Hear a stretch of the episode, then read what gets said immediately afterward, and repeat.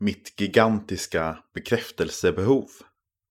En krönika av Nils Balassa. Det är en vanlig, tråkig måndagskväll. Jag förbereder mig för en stillsam andakt på mitt rum. Den senaste tiden har det fungerat bra att läsa något kort ur Saltaren eller evangelierna. En stillsam frid har ofta fyllt dessa stunder, fram tills nu. Jag möter denna gång en text som förändrar min självbild och världsbild. Tanken slår mig. Spelar någonting jag gör någon roll? Gör jag saker bara för att imponera? I två veckor brottas jag mycket med den senare tanken.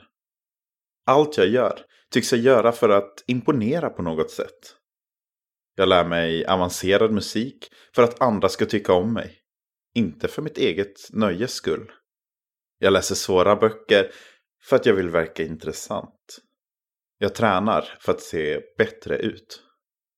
Listan blir lång. Det är omöjligt att hitta något jag gör bara för mig själv. Så fort jag upplever allt detta berättar jag det för Gud.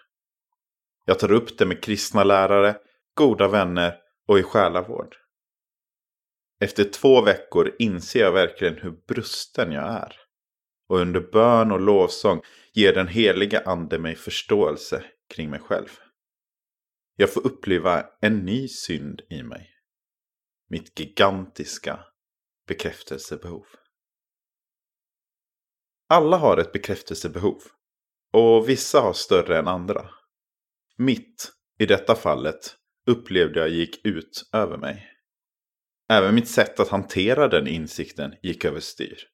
Jag berättade det för andra för att få ännu mer bekräftelse.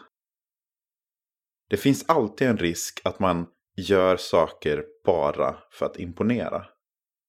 Och någon kommer alltid tycka något. Det kommer man inte undan.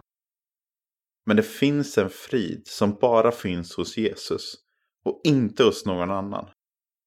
Du behöver inte göra något för att bli mer älskad, sedd eller accepterad av honom.